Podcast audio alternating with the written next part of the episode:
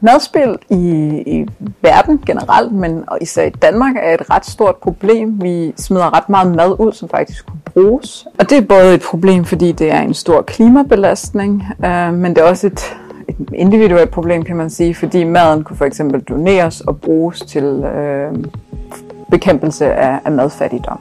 Vi har manglet et ord for øh, det modsatte af madspil. Altså man kan ikke sige, jeg går op i madspil. Vi mangler et ord, øhm, som indfanger det her med at passe på madvarer og passe på de ressourcer, der er på jorden.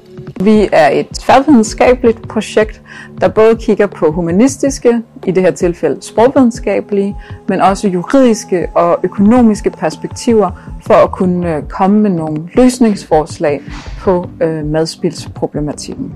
Et eksempel på, øh, hvordan vi taler om madspil og hvordan det øh, har konsekvenser for, hvordan vi tænker om madspil og handler omkring madspil. Det er jo for eksempel det her med, at vi rigtig tit taler om bekæmpelse af madspil. Og det er utrolig interessant, fordi det fortæller os noget om, hvor normativt det er, men også, øhm, at det kan være potentielt ret polariserende. Fordi hvis du ikke mener, der er tale om, om madspil, så står du ret alene. Der er til tilsyneladende et mismatch mellem, hvad folk siger, de gør, og øh, hvad de rent faktisk gør. Og sådan er det jo i stort set alle aspekter af livet, ikke kun i forhold til madspil. Vi har valgt den gruppe, der hedder 18-34-årige, fordi det er, ud fra rapporter viser sig, at det er dem, der spilder mest mad, men også dem, der har de rigtige holdninger i forhold til at rigtig gerne vil gøre noget ved det. Øh, og indtil videre i de interviews, jeg har lavet, der øh, siger de også, at vi har ikke ret meget madspil. Vores forældre derimod, de spiller mad.